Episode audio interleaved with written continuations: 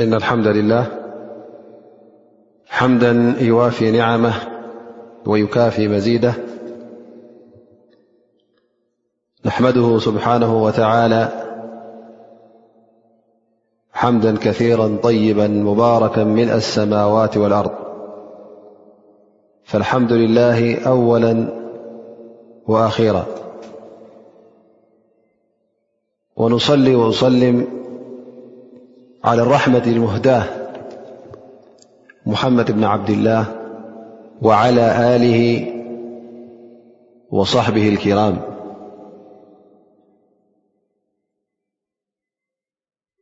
اللهم أنفعنا بما علمتنا وعلمنا ما ينفعنا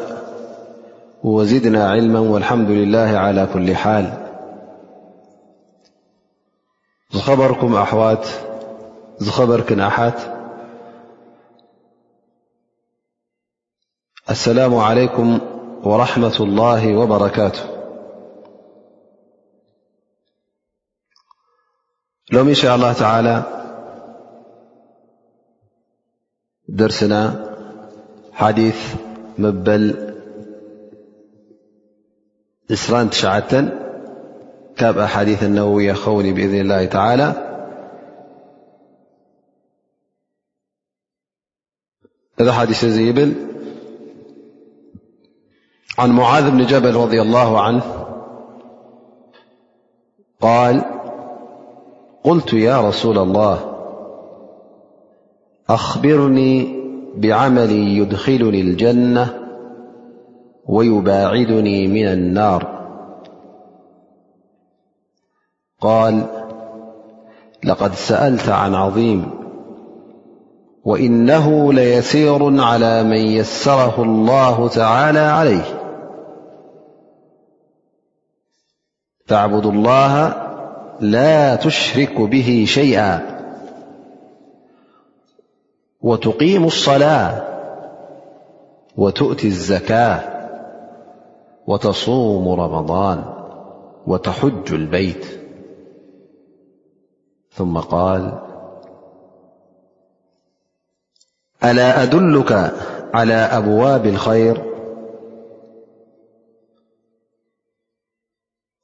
الصوم جنة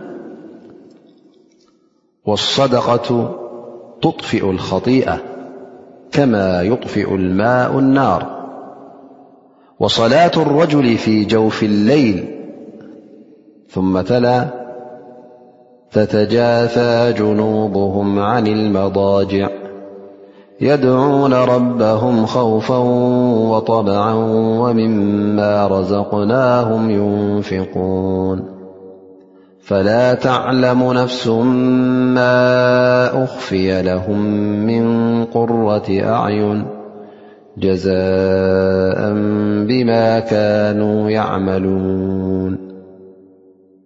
ثم قال ألا أخبرك برأس الأمر وعموده وذروة سنامه قلت بلا يا رسول الله قال رأس الأمر الإسلام وعموده الصلاة وذروة سنامه الجهاد ثم قال ألا أخبرك بملاك ذلك كله فقلت بلا يا رسول الله فأخذ بلسانه وقال كف عليك هذا قلت يا نبي الله وإنا لمآخذون بما نتكلم به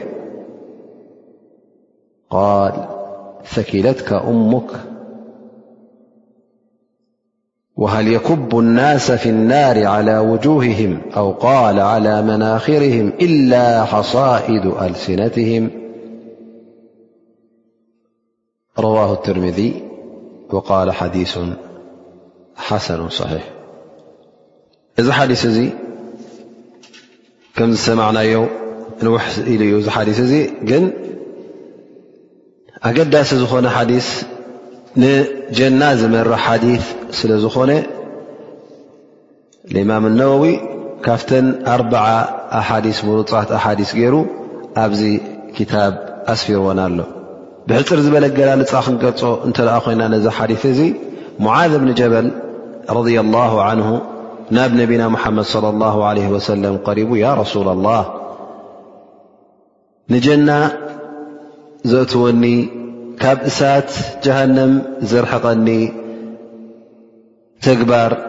እስከ ንገረኒ እንታይ እዩ እቲ ተግባር ናዚ ነገር እዚ ዝኾነኒ ኢሉ ይሓትት ነብይ صለ ላه ለ ወሰለም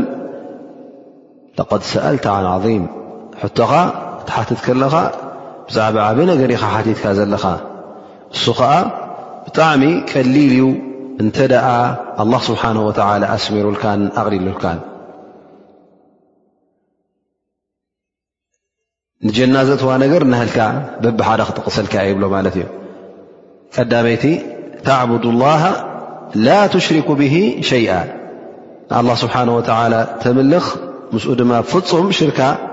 ዝኾነ ይኹን ሽርካ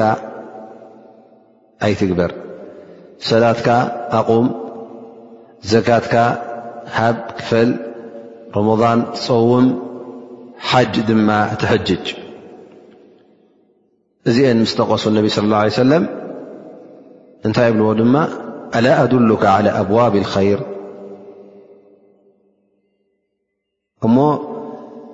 ናብ ኣፍ ደጌታት ር ናብ ር ዘእትዎ ኣፍ ደጌታት ናብኡ ዶ ክሕብረካ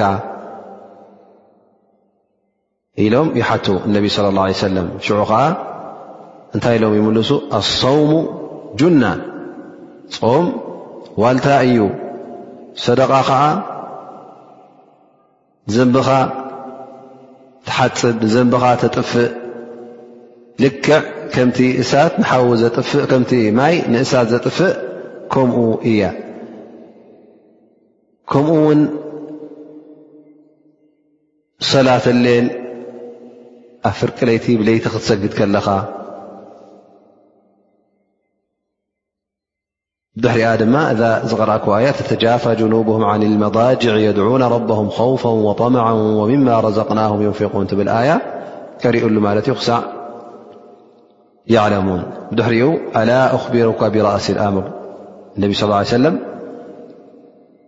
ቲቐንዲ በቲ ቐንዲ ነገር ዶ ክነግረካ እቲ ርእሲ ዝኾነ ቀንዲ ነገር ዶ ከምኡ ውን ዓንደይ ናይዚ ነገር እዚ ከምኡ ውን መንጉዳ ናይዚ ነገር እዚ ዶ ክነግረካ ኢሎም ነቢ ስ ሰለም ይጠቕሱ ሙዓዝ ብን ጀበል በላ ያ ረሱላ ላ እወባ ንገረኒ ያ ረሱላ ላ ይብል ፈንታይ ይብልዎ ሽዑ ቃል ራእሱ ኣምር ኣልእስላም ቀንዲ እቲ ጉዳይ እስልምና እዩ ናይዚ እስልምና ዓንዲ ከዓ ሰላት ምስጋድ እዩ መንጉዳ ናቱ ከዓ ዘርወት ስናም እታ ጠረፍ መንጉዳ ዘላታ ልዕልቲ ነቲ እስልምና ክገልፆ ከለዎ ነቢ ስ ሰለም ከም ገመል ገይሮም ጎሊፀሞ ማለት እዩ ሕጂ እንሀልካ እቲ ጅሃድ ኣብቲ ልዕሊ መንጉዳ ናይ ገመል ከም ዘሎ ገይሮም ማለት እቲ ቦታ ናቱ ክብ ዝበለን ልዑልን ከም ምዃኑ ክሕብሩ ዘርወት ሱናሚ ኢሎም ሓቢሮም ማለት እዩ ድሕሪኡ ድማ ነቢ ስ ሰለም ኣላ ኣኽቢሩካ ብሚላኪ ሊከ ኩል እሞ ነዚ ኩሉ ነገራት ዝጠማመረልካ ዶ ክነግረካ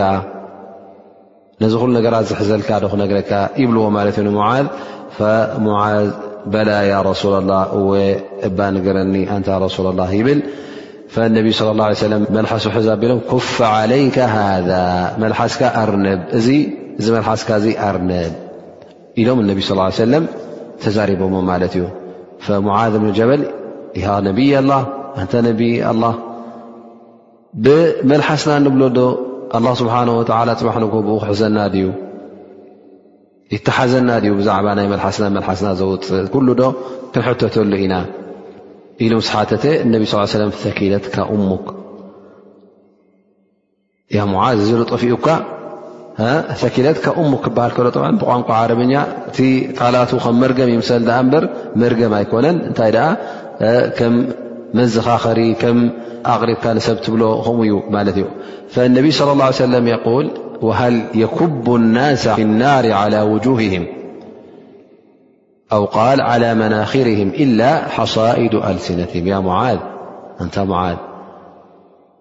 ደቂ ሰብ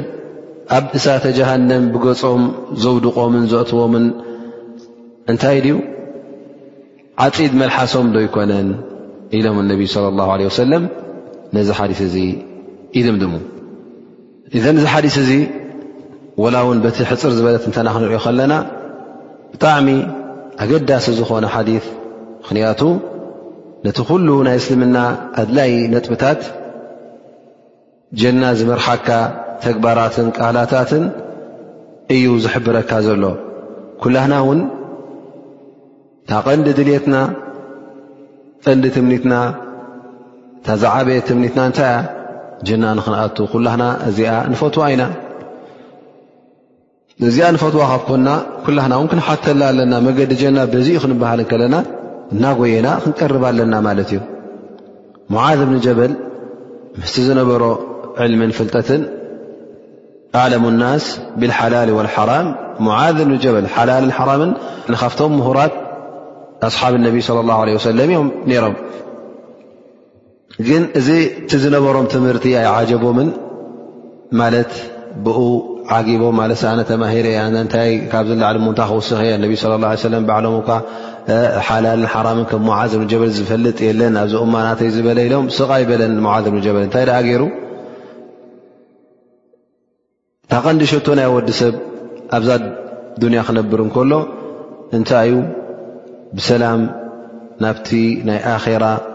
ዘሎ መዓልቲ ካብ እሳተ ጀሃንም ተላቂቑ ኣብ ጀና ንኽኣቱ ስለ ዝኾነ ሙዓዝ ብኒ ጀበል ቀሪቦም ናብ ነቢና ሓመድ ስ ሰለም ያ ረሱላ ላ ኣኽቢርኒ ብዓመል ዩድኪሉኒ ልጀና ወዩባዒዱኒ ዓን ናር ያ ረሱላ ላ ጀና ዘእትወኒ ተግባርን ካብ እሳተ ጀሃንም ዘርሐቐኒ ተግባርን እስኪ ንገረኒ እንታይ ከም ምኳኑ ኣነ ነዚ ነገር እዚ ከጣቢለ ንክሕዞ ምኽንያቱ እታ ቀንዲ ድልየተይ ጀና ንክኣቱ እየ ስለ ዝበለ እነቢይ ለ ላ ለ ወሰለም ነዚ ሕቶ እዚ ተመሲጦም ዓብ ሕቶ ከም ምዃኑ ይነግሩ ለቀድ ሰኣልተ ዓን ዓም ዝሓተትካዮ ሕቶ ቀሊል ሕቶ ኣይኮነን ከቢድ ሕቶ ዓብ ሕቶ እዩ ግን ከምኡ ክበሃል እንከሎ እውን ዘይከኣል ኣይኮነን ወእነሁ ለየሲሩ ዓላ መን የሰረሁ ላ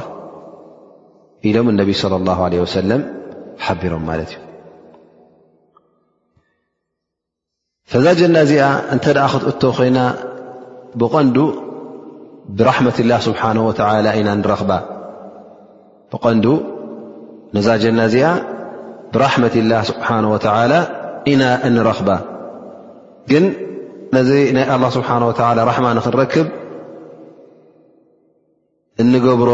ተግባራት ከም ሰበብ ኮይኑ ክግበር ከም ዘለዎ ተሓቢርና ማለት እዩ ፈኢዘ ዓመል ተግባር ሰበብ እዩ ንምንታይ ሰበብ ንጀና ንራሕመት ላ ስብሓን ወተላ ዘብፅሕ ሰበብ ይኸውን ማለት እዩ ኣማል ሳሊሓ ሰናይ ተግባር ንገብሮ እቲ ትእዛዝ ኣላ ስብሓን ወላ ክንመዘዝ ከለና እሽልና ንቕበሎ እዚ ተግባራት እዚ ሰበብ ይኸውን ንምንታይ ነቲ ራሕመት ላ ስብሓ ወላ ንኽንረክብ ነቢ ስ ሰለ እንታይ ይብሉ ለን ዩንድያ ኣሓደ ምንኩም ዓመሉ ፍፁም ንዝኾነ ይኹን ካባኹም ተግባሩ ካብ እሳ ጀሃንም ነፃ ኣየውፅኦን እዩ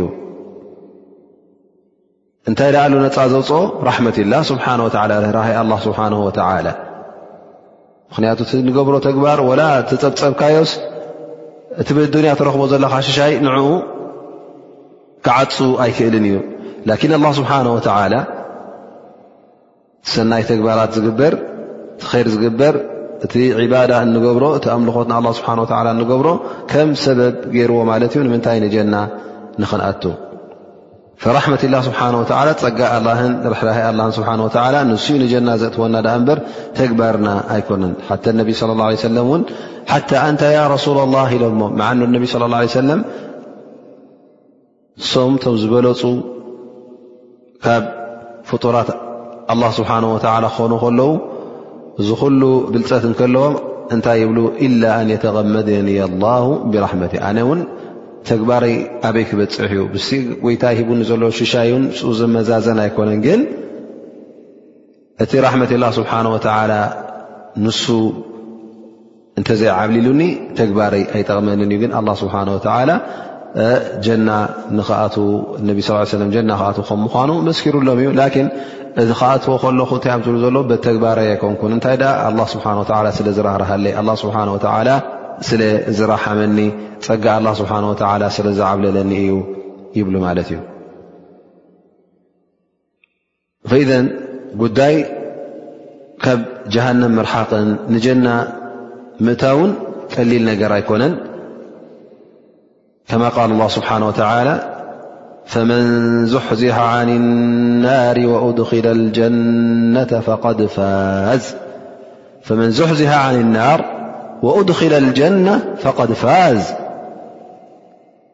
ካብ እሳተ ጀሃነም ተደፊኡ ርሒቑ ንጀና ዝኣተወ እዚ እዩ እቲ ተዓወተ እብል ኣላ ስብሓን ወተላ ፈዘን ጉዳይ ቀሊል ኣይኮነን ነቢይ صለ ላ ለ ወሰለም ለቐድ ሰኣልተ ዓን ዓظም ብዛዕባ ቀሊል ሓተትካ ናይ ሙዓዝ ዓብ ነገር ኢኻ ሓቲትካ ዘለኻ እዛ ዓብ ነገር ድማ ቀሊል ኣይምሰልካ ምኽንያቱ እቲ ጉዳይ ኩሉ ወዲ ሰብ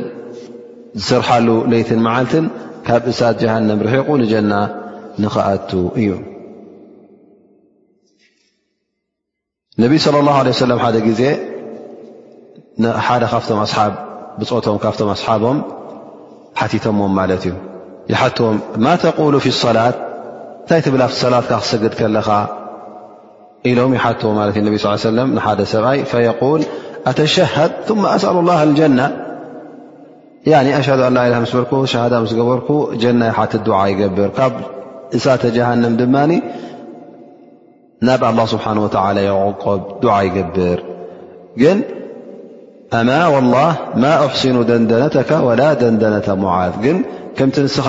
እትብሎ ዱዓ ክትገብር ከለኻ ነዊሕ ዱዓ ትገብር ብዙሕ ነገራት ተምፅእ ናትካን ከምቲ ናይ ሙዓዝ ትገብሮን ኣይክእሎን እየ ይብል ፈነቢ ስለ ላ ለ ሰለም የቁል ሓውለሃ ኑደንድን ንሕና እውን እቲ ዱዓና ብብዙሕ መልክዕ እንተቕረብናዮ ኩሉ ምእንቲ ድልት ናይ ጀና እዩ ካብ ጀሃንም ድማ ንምርሓቕን እዩ እስኻ እውን ንሕናን ፍልል የብልና እቲ ዱዓና ኩሉ ሓደ እዩ ይብል ማለት እዩ ካብ ጀሃንም ክትርሕቕ ከለኻ ቀሊል ነገር ኣይኮነን ብጀና እውን ኣላ ስብሓን ወላ ክክሕሰካ ከሎ እቲ ዝዓበየ ሽሻይ እዩ ወላ ስብሓን ወላ ኣርሰለ ሩሱል እቶም ኩሎም ነቢያት እቶም ኩሎም ልኡኻን ዝለኣኾም ምእንቲ ምንታይ እዩ ንባረቱ ምእንቲ መገዲ ሓቂ ሒዞም ካብ ሕማቕ መንገዲ ኣውፅኦም ናብቲ ረቢ ዝፈትዎ መንገዲ ንኽመልስዎም ስለ ዝኾነ እዚ ከዓ እንታይ እዩ ሓደ ካብቲ ኣስባብ ናይ ጀና ዘትወካ ማለት እዩ ከምኡ ውን ካብ ጀሃንም ዘርሓቀካ ስለዚ ኣላ ስብሓን ወተላ እውን ብኣንብያ ገይሩ በቲ ዘውረዶ ክታብቲ ገይሩ በቶም ልኡኻን ገይሩ ንባሮቱ ሰበብ ናይ ጀና ንምብፃሕ ገይሩሎም እዩ ላኪን ኣብ መጨረሻ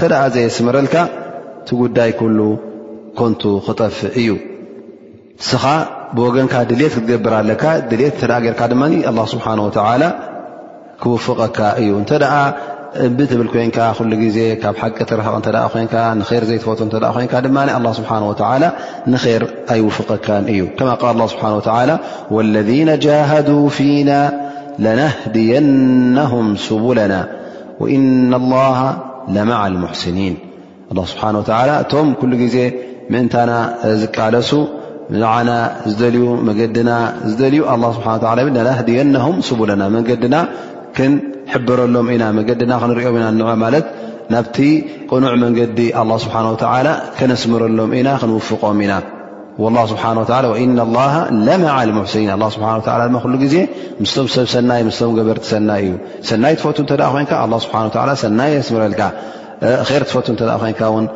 ር የስምረልካ ማለት እዩ ስለዚ ብንፁህ ልቢ እንተ ናብ ኣላ ስብሓን ወላ ተቐርብ ኮንካ እንተ ር ትፈቱ ኮንካ ኣስባብ ናይዚ ር እ ዘትገብር ኣላ ስብሓን ወላ ድማ ነቲ ናብቲ ር ይውፍቐካን የስምረልካን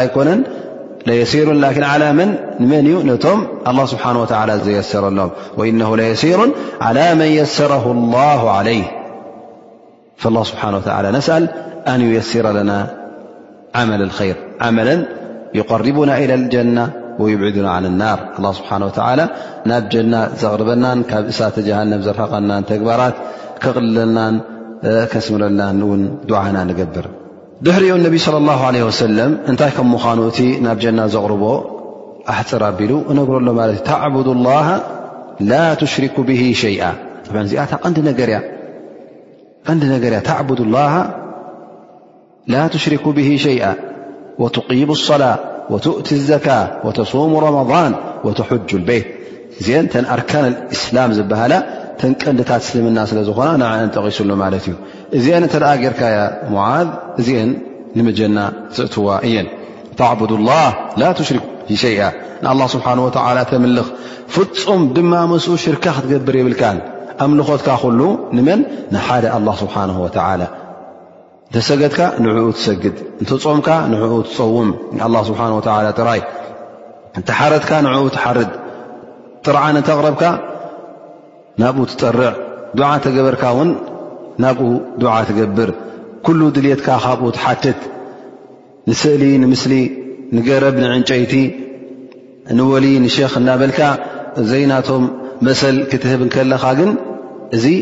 ካብቲ ኣላ ስብሓን ወተዓላ ዝኸልከሎ ናይ ሽርክ ትፍፅም ኣለኻ ማለት እዩ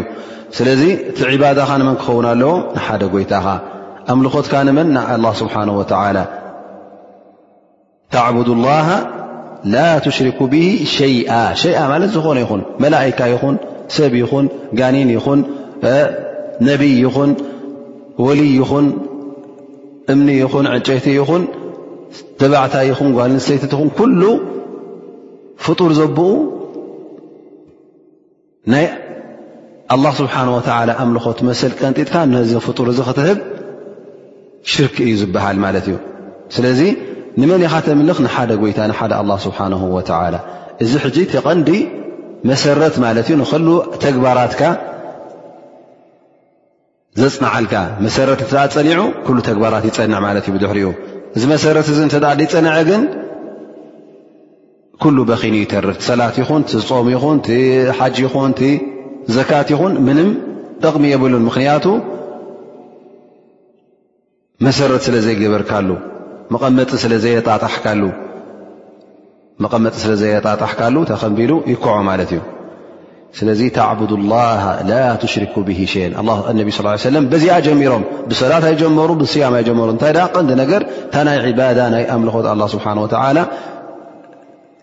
ምፍፃምን ካብ ሽርክ ዝበሃል ካብ ተዳራጊ ምስ ኣላ ስብሓን ወላ ሽርካ ምግባር ካብኡ ክትነፅህ ከለኻ እዚ ዩ ትቐንዲ ኣድላይ ብድሕሪኡ ድማ እንታይ መፅእ ትቂሙ ሰላ ሰላትካ ተቕውም ከም ትግቡቕ ቅድሚ ሕጂ እውን ተዛሪብናሉ ነርና ማለት እዩ ግን ብሓፂሩ ትቂሙ ሰላ ማለት ነዛ ሰላት እዚኣ ተቑማ ሰንከልከል ትብል ኣይኮነት እንታይ ቐጥ ዝበለት ሰላት ማለት ዩ ኢቃመት ሰላት ኢቃማ ዓላ ወጅሂያ ከም ትግቡእ ከምቲ ስርዓታ ኩሉ ነገራታ ተማልኣላ ኣብ ገግዜኣ ከምቲ ኣላ ስብሓን ወተላ ዝኣዘካ ኣብ ሰሰዓቱ ትሰግዶ ዙህሪ ግዜ ዙህሪ መሪብ ኣብ ግዜ መሪ ዓስሪ ብ ግዜ ዓስሪ ትሰግዶ ማለት እዩ ከምቲ ኣላ ስብሓ ወላ ዝኣዘካ ድማ ኣርባዕተ ረክዓ ዝበለካ ኣርባዕተ ክልተ ክልተ ሰለስተ ከይወነቅኻ ከይወሰኽካ ጠሃራ ኣቐዲምካ ክትጠሃር ትፀሪ እዚ ኩሉ ኮታ ኢቓመት ሰላት ዝበሃል ከምቲ ደንባን ከምቲ ስርዓታን ጌርካ ከተቑማ ከለኻ እሱ እቲ ኢቓማ ዝበሃል ነዛ ሰላት እዚኣ ደው ኣቢልካያ ኣትሪርካ ተኺልካያ ማለት እዩ ወቱእቲ ዘካ ዘካት እውን ትኸፍል ዘካት ከዓ እቲ ኣስላማይ ዓመታዊ ዝኸፍሎ نዘب الله سبنه ولى قرن تقሶم مسكن يይ كم إنم الصدقات للفقراء والمساكن والعملين عليها والمؤلفة قلوبهم وفي الرقاب والغارمين وفي سبيل الله وابن السبيل ዝሎم الله سبنه ولى نዚኦم يفل م ካብቲ ኣርካን እስላም ወተሱሙ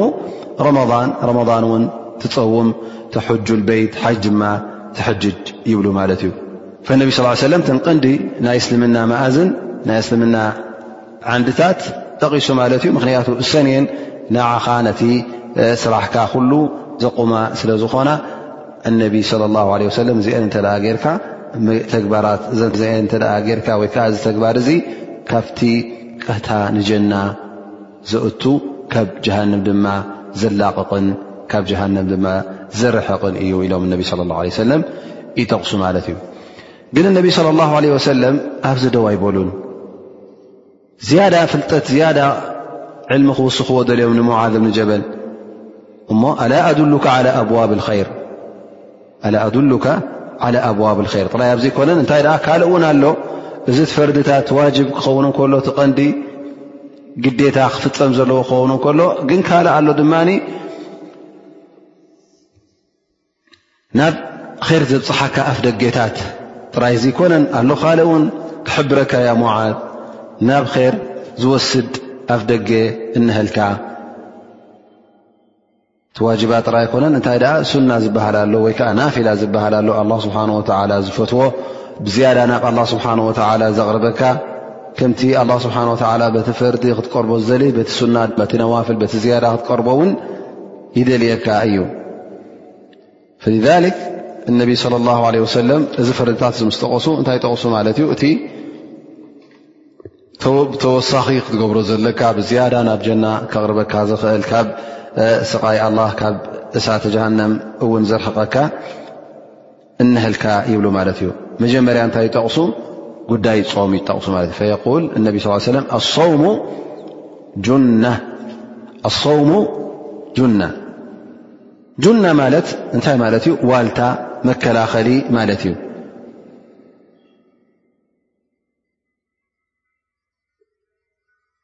ልክዕ ፆም ድማ እንተ ኣ ፀውም ኮንካ መከላኸሊ እዩ ካብ ምንታይ ይኽልክለካ ካብ ምንታይ ይከላኸለልካ ካብ ምንታይ ይሕልወካ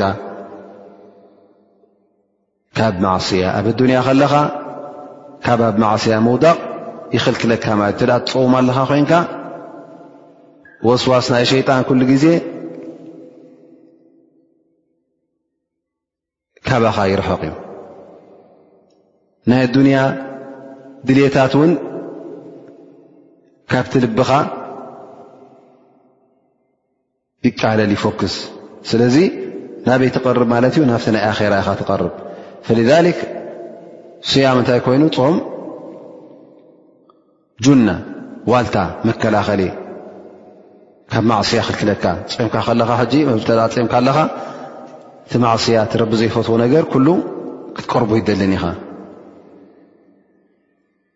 ከምኡ እንተ ደኣ ኮይኑ ፅባሕ ንግሆ ድማ ኣብ ዮም ቅያማ ካብቲ ዓዛብ እናር ካብቲ መቕፃዕቲ ጀሃንም እዚ ፆም እዚ ክኽልክለካ ዩ ምክንያቱ ኣብ ማዕስያ ከይትወድቕ ካብ ከልከለካ እንልካ ኣብ ዮም ቅያማ ድማ ካብ እሳተ ጀሃንም ክሕልወካ እዩ ነቢ ስ ሰለም ነዚ ፆም እዚ ክጠቕስዎ ከለዉ ኣሰውሙ ጁና ኢሎም ማለት እዩ እዚ ክብላ ከሎ ነቢ ስ ሰለ እንታይ ማለት እዩ ፆም ጥራይ ሮሞዳን ኣይኮነን ኣብቲ ቀዳማይ ጥቕሲ ምስ ኣርካን እስላም ጠቂሶምልና እዮም ተዕቡድ ላ ሽርኩ ብ ሸን ወትቂሙ ሰላ ወትእቲ ዘካ ወተስሙ ሮሞን ወተሕጁ ልበ እዚ ተዋጅብ እዩ ግን ሕጂ እንታይ እዮም ክነግሩና ዘይ ዘለ ነቢ ስ ሰለም ከምዚ ንሙዓ ዝጠቀሱሉ ፆም ኣሎውን እቲ ፆም እውን ኣይትግደፎ ጥራይ ኣብ ወርሒ ሮሞዳን ኣይኮነን እንታይ ደኣ ካልእ ፆም እውን ኣሎ ኣይተቋርፅ ምክንያቱ ፆም ኩሉ ግዜ ይሕግዘካ እዩ ስለዚ ካብቲ ሱናታት ስያም ዝግበር ናይ ፆም ሱና ወይ ከዓ ብተወሳኺ ንፆሞ ኩላህና ኣስላም ከም ሱና ገርና እንተፀምካዮ ማለት ፅቡቕ ኣጅር ትረኽበሉ ስያም ዓሹራ ክትፀውሙ ከለኻ መበል ዕለት ዓሰርተ ኣብ ሙሓረም ዳኣኑ ይከፊሩ ምኽንያቱ እቲ ዘንብታት ካሓፅበልካ ማለት እዩ ናይቲ ዝሓለፈ ዓመት ማለት እዩ ከምኡ ውን የውማ ዓረፋ ክትፀውም ከለኻ ስያም ዮውም ዓረፋ غይር ሓጅ ብ ሓጅ ዘለኻ ኮይንካ መዓልቲ ዓረፋ ዕ ሸ ኣብ ወርሒ ዝልሕጃ ትፀውም ከለኻ እዚ እውን ኣጅ ኣለዎ ሰሙናዊ እውን ሰኑይን ሓሙስን እንተፆምካ እዚ ፅቡቕ ኣጅር ኣለዎ ኣብ ወርሒ ድማ ወይ ኣብ ዝኾነ ወርሒ ሰለስተ መዓልቲ ክትፀውም ከለኻ ኣያመልቢድ ይኹና ወይ ከዓ ካልኦት ሰለስተ መዓልቲ መሪፅካ እዚ ዝበለፀ ስተ ምን ሸዋል ድሕሪ ረመዳን ኣብ ወርሒ ሸዋል ሽዱሽተ መዓልቲ ክትፀውም ከለኻ ከምኡ ውን ስያም ሻህሪ ላ ሓረም ወርሒ ሙሓረም መዓልታት ኣብ ክትፀውም ከለኻ ኣብ ወርሒ ሻዕባን እውን ክትፀውም ከለኻ ዝኾነ መዓልታት ከምኡ ውን ስያሙ ዳውድ ዝበሃል ኣሎ ሓንቲ መዓልቲ ፀውም ሓንቲ መዓልቲ ተፍጥር ሓንቲ መዓልቲ ፀውም ሓንቲ መዓልቲ ተፍጥር እዚ ሕጂ ብቢ ዓይነቱ ነቢ ስለ ላ ለ ሰለም ዝገደፉልና ተግባራት ሱና ፍቱ ዝኾነ ስለ ዝኾነ ነቲ ወርሒ ሮሞዳን ጥራይ ዘይኮነስ እንታይ ደኣ ብድሕሪኡ ካልእ እውን ኣሎ ፆም ፈርዲ ይኮነን ግን ዓቢ ኣጅሪ ዘለዎ ንጀና ንኽትኣቱ ዘቀራርበካ ካብ ሓዊ ጀሃንም ድማ ዘርሕቐካ ብድሕሪኡ እውን ነቢ ስ ሰለ የል ወሰደቀቱ ትጥፊ ጢኣ ሰደቃ ድማ ኣብዚ ጠ ሰደቃ ማለት ሰደቀ ተጠውዕ ማለት ሌላ ልካ ትህፅኦ ገንዘብ ዘካት ዘይኮነ እንታይ ኣ ተወሳኺ ማለት እዩ እቲ ዘካት ዋጅብ ፈርዲ እዩ ተውፅኦ ኣለካ ግዴታ ተዘውፃእካዮ ዘንብ ኣለካ እዚ ግን ሰደቃ ኣብኡ ከለኻ ተውፅኦ ክፍሊት እትህቦ ንመስኪን ንዘኽታም ንገንዘብ ዘይብሉ ንድኻ ክኸውን ከሎ እዛ ሰደቃ ተውፅኣ ዘለኻ እንታይ ትገብረልካ ትጥፊኡ ኸጢኣ ሓጢኣት ንኸጢኣ ንጌጋኻ ገበናትካ ትሓፅበልካን ትድምስሰልካን ተጥፍኣልካን እዛ ሰደቃ እዚኣ ተጥፍእ ብ ኣብ ዝሓለፈ ደርስታትና እውን ሰደቃ ዓብ ትርጉም ከም ዘለዋ ጠቂስና ነርና ነቢ ስ ለም የል ኩሉ ማዕሩፍን ሰደቃ ኩሉ ሰናይ ዘብኡ ሰደቃ እዩ ስለዚ ኣትቢዕ ሰይኣት ሓሰና ተምሑሃ ኣትቢዕ ሰይኣ ሓሰና ተምሖሃ እተ ገበን ዘንቢ ፈፂምካ ርካ ድሕርዛ ገበን እዚኣ ሰናይ ተግባር እተ ገርካ ከተጥፋኣ ኢኻ ነታ እከይ ዝገበርክ ኣ ስብሓ ላ ክምሕረካ ዩ ግን እቲ ዘንብታት እዚ ኣይናዩ እቲ ሰጋኢረ ኑብ ዝበሃል ትንኣሽቱ ዘንብታት ኣማ ከባኢረ ኑብ ግዴታ ቶባ ክትብል ኣለካ ንስሓ ክትገብር ኣለካ ምእንቲ ኣላ ስብሓ ወላ ቶባ ክብለልካ ከምኡ ውን ክድብስሰልካ እዘን ሰደቃ ዝበሃል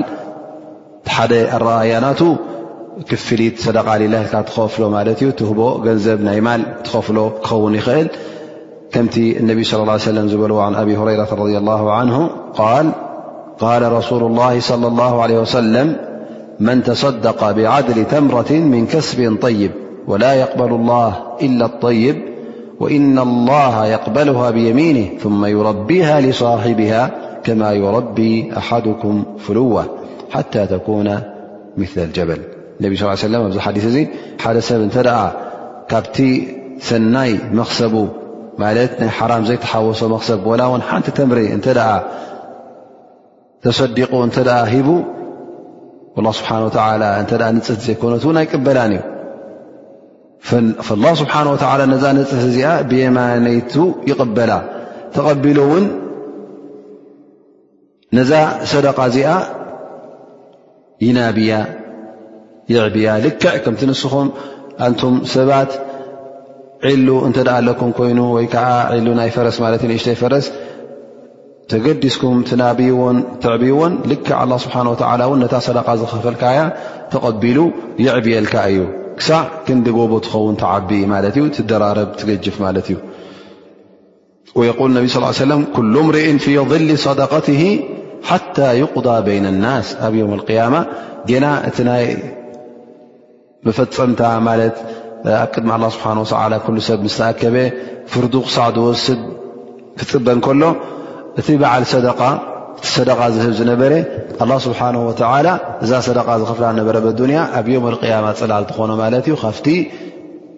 ብርታዐ ናይ ፀሓይ ናይ ሃሩር ዘሎ ብጣዕሚ ሓያል ሃሩር ሓያል ፀሓይ ዘለዎ መዓልቲ ስለ ዝኾነ እታ ፀሓይ ኣብ ርእስኻ ስለ ትቐርብ ብጣዕሚ እቲ ረሃፅን ሓውን እሳትን ሓያል ዝኾነሉ መዓልቲ ግን ኣላ ስብሓን ወተላ ነቲ ሰደቃ ዝኸፍል ዝነበረ ፅላለት ይገብረሉ ማለት እዩ ብሰንኪ ምንታይ ብሰንኪታ ሰደቃ ዘውፅኣ ዝነበረ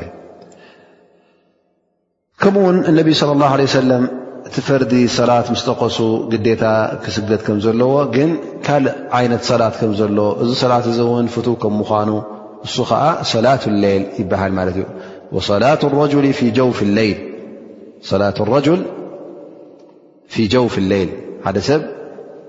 ለይቲ ተሲኡ ክሰግድ እንከሎ እዚ ዓብዪ ነቲ ዘንብታትካ ዘጥፍእ እዩ እቲ ሕማቕ ተግባራትካ እቲ ዘንብታት ዝገበርካዮ ዘጥፍእ እዩ ፈዘ ቅያም ሌል ለይቲ ተሲእካ ድሕሪ ፍርቂ ለይቲ ኮይኑ ኣብቲ ሉث ለይል ኣኪር ማለት ናይ መጨረሻ ሲሶ ዘሎ ለይቲ ቀቅድሚ ፈጅሪ ብሰዓት ብክልተ ሰዓት ኣቢሉ ሽዑ ተሲእካ ንበይንኻ ኣብቲ ግዜ ጸልማት ኩሉ ሰብ ደቂሱ እንከሎ ኩሉ ሰብ ራዕ ኢሉ ንጎይታ ረሲዑ እንከሎ ንስኻ ጎይታኻ ዘኪርካ ንጎይታኻ ፈሪህካ ንኣላ ስብሓን ወተላ ፈቲኻ ንዑ ንኸተምልኽ ተሲእካ ብቁርን እናቐረእካ ነቲ ለይቲ ፍርቁ ኮይኑ ርብዑ ኮይኑ ክልተ ሰለስተ ሰዓት ኮይኑ ሓንቲ ሰዓት ኮይና ብዝከኣለካ መጠን ክትሰግድ እንከለኻ እዚ ንገዛእ ርእሱ ሓደ ካፍቲ ናይ መቕፊራ ጠንቂ ይኸውን ማለት እዩ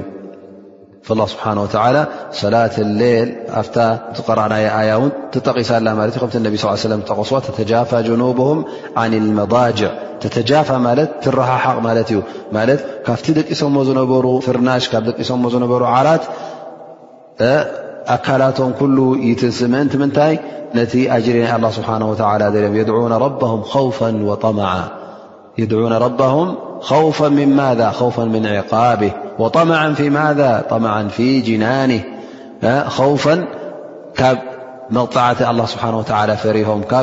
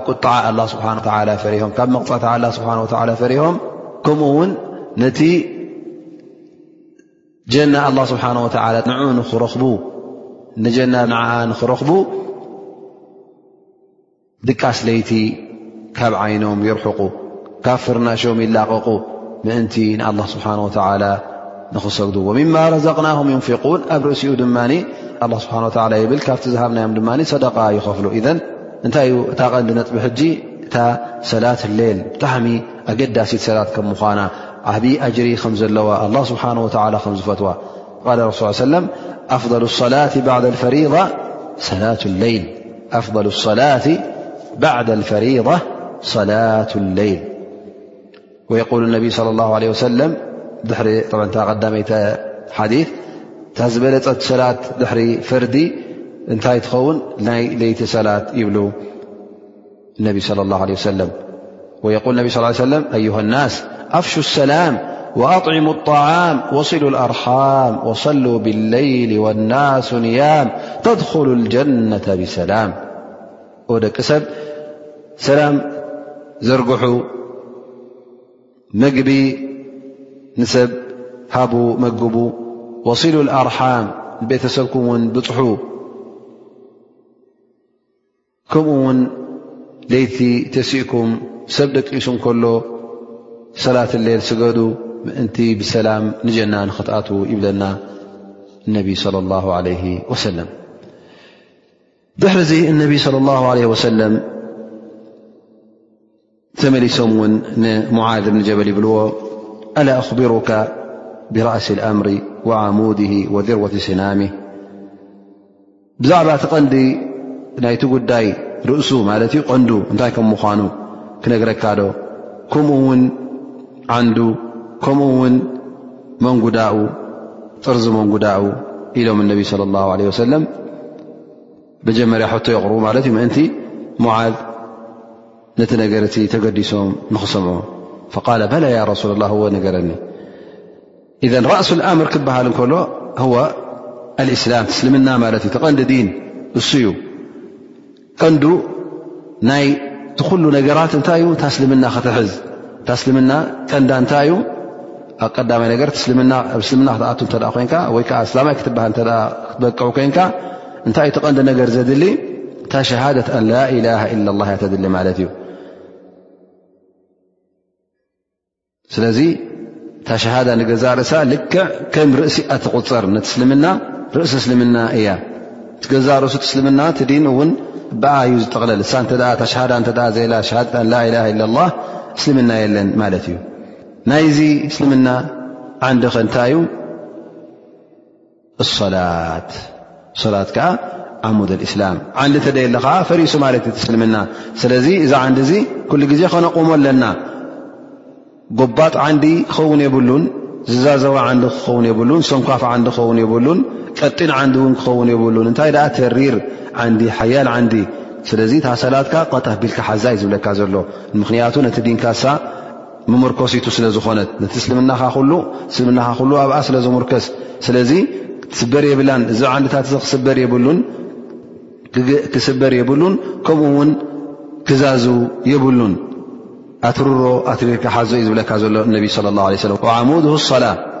ስለዚ እታ ሰላት ንገዛ ርእሳ ኣድላይት እያ ብጣዕሚ ኣድላይት እያ ወዘርወት ሰናም ኣይ ስናሚ ሃذ ዲን ጥርዚ መንጉዳ ናይ ዘ ዲን እዚ እንታይ እዩ ኣልጅሃድ ኣልጅሃድ ፊ ሰቢል ላህ ንሱ ከዓ ምእንቲ ኣላ ስብሓን ወተላ ኢልካ ነቲ እስልምና ክብ ክብልን ክልዕልን ኢልካ ህወትካ ከተሕልፍ ከለኻ ልእሉነት እስልምናን ክብሪ እስልምና ንክሕሎ ህወትካ ክትከፍል ከለኻ እዚ እዩ እቲ ጅሃድ ዝበሃል እቲ ዓብዪ ቃልሲ ዝበሃል ማለት እዩ። ንሱ ከዓ ኣንፃር መን እዩ ዝኸውን? ኣንፃርቶም ፀላእቲ እስልምና እቶም ነዚ እስልምና እዚ ንኸጥፍኡ ነዚ እስልምና እዚ ንኸፅንቱን ንኸብርሱን ዝቃለሱ ዘለዉ ንስኻ እውን ኣንፃሮም ክትቃለስ ከለኻ እዚ እቲ ጅሃድ ዝስመ።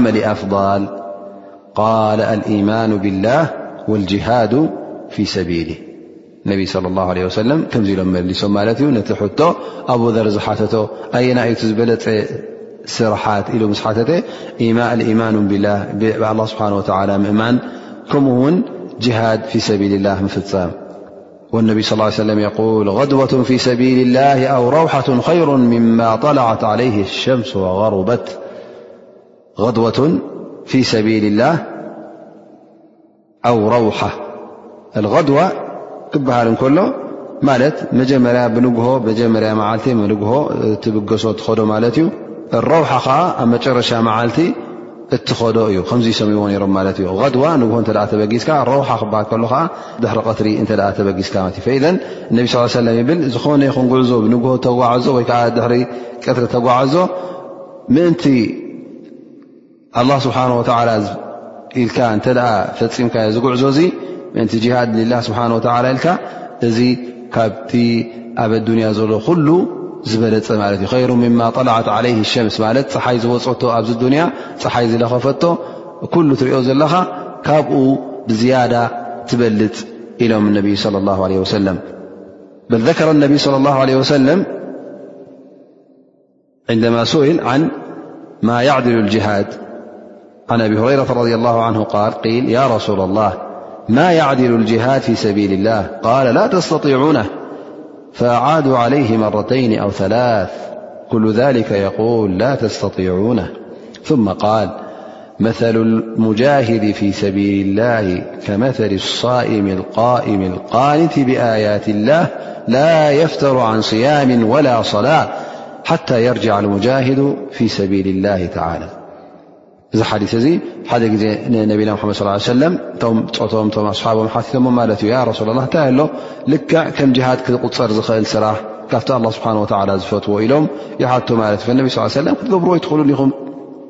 ኢሎም ይምልሱሎም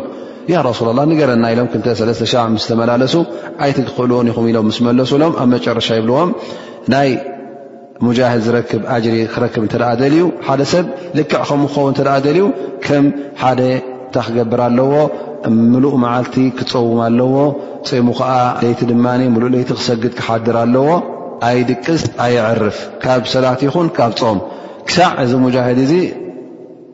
ኣብቲ ዘድለዮ ቦታ ማለት ኣብቲ ክቃለሰሉ ከይዱ ዘሎ ቦታ ኣብኡ ተቓሊሱ ክሳዕ እቲ ስርሑ ዝጭርስ ዝምለስ እሱ ከዓ እዚ ከምኡ ክገብር ዘልዩ ዘሎ ንሱ ከዓ ብፆምን ብሰላት ናይ ለይትን ኮፍ ከይበለ ከይዕረፈ ክሳዕ እዚ ሙጃሂድ ዝምለስ ክፅበ እተ ኮይኑ ይኽእል እተ ኮይኑ ንሱ ክገብር ኣለዎ ማለት እዩ ከመይ እዩ እቲ ሙጃድ ማለት እዩ ልክዕ እንተ ኣጅር ናቱ ክትረክብ ደሊኻ ካብታ ዝወፀላ መዓልቲ ካብ ዓዱ ክሳዕታ ዝምለሰላ መዓልቲ ካብቲ ቦታ ናይ ጅሃዱ ንስኻ ድማ ም መዓልቲ ፆም ለይቲ ሰላት እናገበርካ ሙሉእ ለይቲ ክትሰግድ ክትሓድር እንከለኻ እዚ ልክዕ ሕጂ ከምቲ ናቱ ኣጅር ክትረክብ ትኽእል ኢሎም ማለት እዩ ነቢ ለ ላ ለ ወሰለም እዚ ከዓ ዝከኣል ኣይኮነን ከመይ ገይሩ ሓደ ሰብ እንተ ንወርሒ ንክልተ ወርሒ ክቃለስ ንጀሃድ ኢሉ እ ወፅኡ ክሳዕ ዝምለስ ከመይ ጌርካ ስኻ እዚ ኩሉ ክትፀውምን ለይቲ ቅትሪ ክትፀውምን መዓልቲ ክትፀውምን ለይቲ ክትሰግድን ክትሓድር ከቢድ ከም ምዃኑ ይሕብረና ማለት እዩ ኣብ መጨረሻ እዚ ሓዲት እዚ እነቢ صለ ላሁ ለ ወሰለም እንታይ ይብልዎ ንሙዓዝ ኣላ ኣኽቢሩካ ብሚላኪ ሊካ ኩል ነዚ ነገር እዚ ኩሉ ዝጠማምር ዶ ክነግረካ ነዚ ነገር እዚ ኩሉ ዝኣሳስረልካ ጉዳይ ዶ ክነግረካ ኢሎም እነቢ ስ ሰለም ይዛረብዎ ማለት እዩ ጠብዓ እዚ ኩሉ ዝበልክዎስ እይ ማለት እዚ ነቢ ስ ሰለም ዝበልዎ ኩሉ ጥምር ኣቢሉ ክበ ነቢ ስ ሰለ ካብ ኮነ እወ እብል ማለት እዩ ነቢ ስ ሰለ መልሓስ ናይ ሙዓዝ ሕዝ ኣቢሎም ነዚ መልሓስካ እዚ ቐጥ ኣቢልካ ኩፍ ዓለይከ ሃذ እዚ መልሓስካ እዚ ኣርንብ መልሓስካ ኣርንብ ይብልዎ ማለት እዩ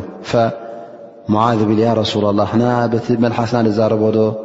ይተሓዘና ድዩ ዘንቢ ይቁፅር ድዩ ኢሉ ይሓትት ማለት እዩ ነቢይ صለ ላ ለ ሰለም ከመይ ጌርካ ዚ ነገር ዚ ዘይትፈልጥ እያ ሙዓዝ ተኪለትካ ኡሙክ ተኪለትካ ኡሙክ እንትርጉማ እተ ኮይና ኣዴኻ ትስኣንካ ማለት እዩ ግን ከምዚ ክብሉ ከለዉ ኣዴኻ ትስኣንካ ክበሃል እንከሎ መርገም ማለት ኣይኮነን እቲ ዘረባ ከም ኣረጋግማ ይምሰል ድኣ እምበር ኣብቲ ናይ ቋንቋ ዓረብ ብኣንጻሩ እዩ እቲ ነገር እቲ ማለት ዝያዳ ተንቢህ ንኽቦ ማለት እዩ መት ከመይ ጌርካ ነዚ ነገር እዚ ረሲዕካ እዚ ነገር እዚ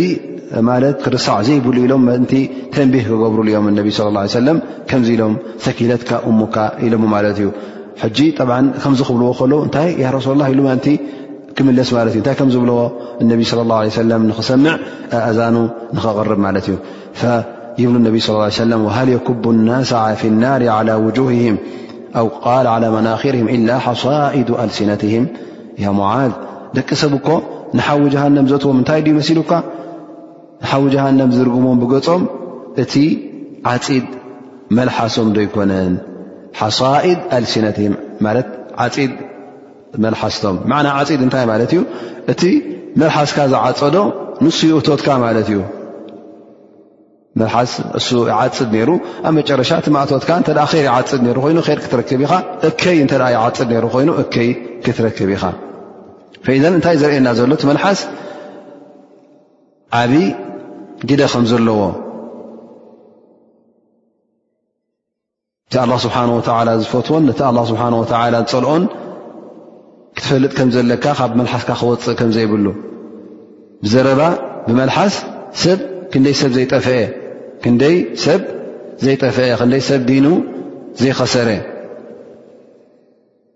ብመልሓስካ ብኣፍካ ምናልባሽ ካብ ዲን ትወፅእ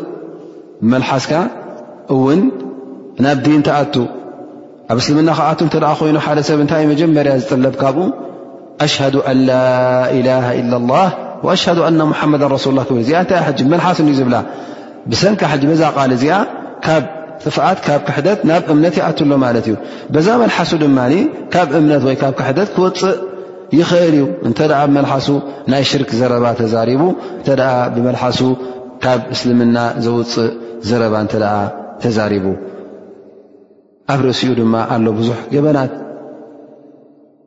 ዘይረኣኻዮ ርእየልካ ክትምስክር ከለኻ እዚ ንገዛእ ርእሱ ዓብዪ ዘንቢ ነተን መሳኪን ኣሕዋትካ ዘይገበረኦ ተግባር ዘይገበረኦ ጌጋ ዘይገበረኦ ገበን ይገብራ እየን ኢልካ ክትዛረብ ከለኻ ናይ ስሕር ዘረባ ወይ ከዓ ብመልሓስካ ናይ ስሕር ጉዳይ ሰብ ክትስሕር ከለኻ ብመልሓስካ ንሰብ ክትሓሚ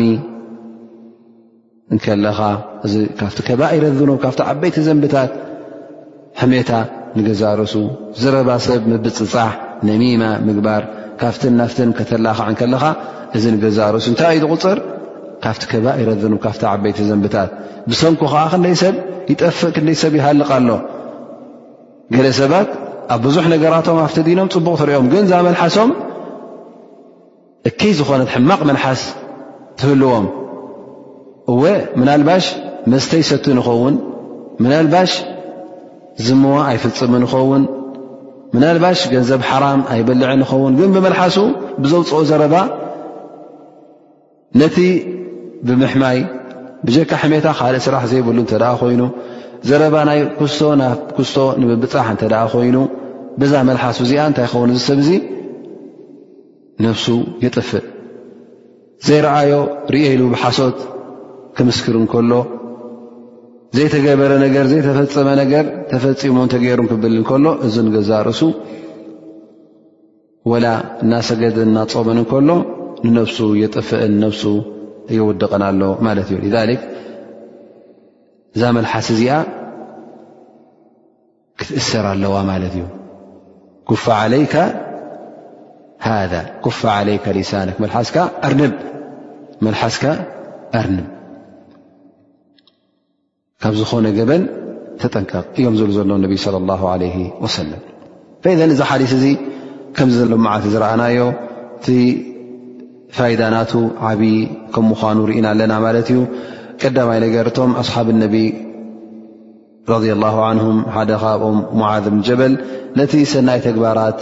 እጓይይሉን ይቀዳደምሉን ኩሉ ግዜ ይሓትሉን ከም ዝነበሩ ተቐንዲ ሃሞም ቀንዲ ድልቶም ቀንዲ ትምኒቶም ጀና ምርካብን ካብ እሳ ጀሃንም ምርሓቅ ከም ምኳኑ የብርሃልና ማለት እዩ ንሕና ድማ ኣሰርናቶም ተኸትልና ቐንዲ ዊንታናን ድልትናን ሃንቀውታናን ናብኡ ንክኸውን ይሕብረና ኣሎ ማለት እዩ ከምኡ ውን ነቢ ص ه ع ሰለ ኣብዚ ነገር እዚ ከምህሩ ከለዉ ክዕልሙ ከለዉ እነሀ ካብቲ ዓቢ ጀሚሮም ናብቲ ዝነኣሸን ብቢ ዓይነቱ ኣፍ ደገታት እናኸፈቱ ይዕልሙ ነይሮም ማለት እዩ ንስሕና ድማ ንሰብ ክንዕልም ክነምህር ከለና ትቐንዲ ቐንዲ ነገራት መጀመርያ ክንገር ኣለዎ ድሕሪኡ ድማ እቲ ሱና ዘብኡ እቲ ካልእ ነጥብታት ውን ይንገር ማለት እዩ በብሓደ ምእንቲ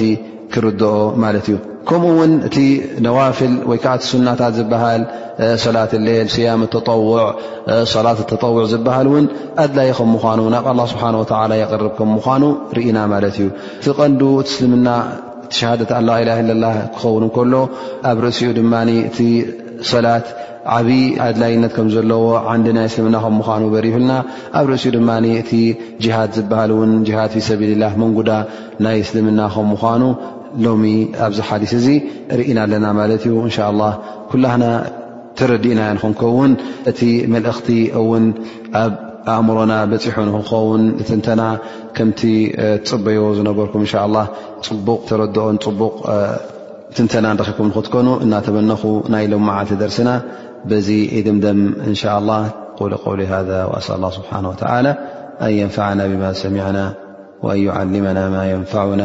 وأن يجعله حجة لنا لا حجة علينا وصلى الله على نبينا محمد وعلى آله وصحبه وسلم أجمعينيب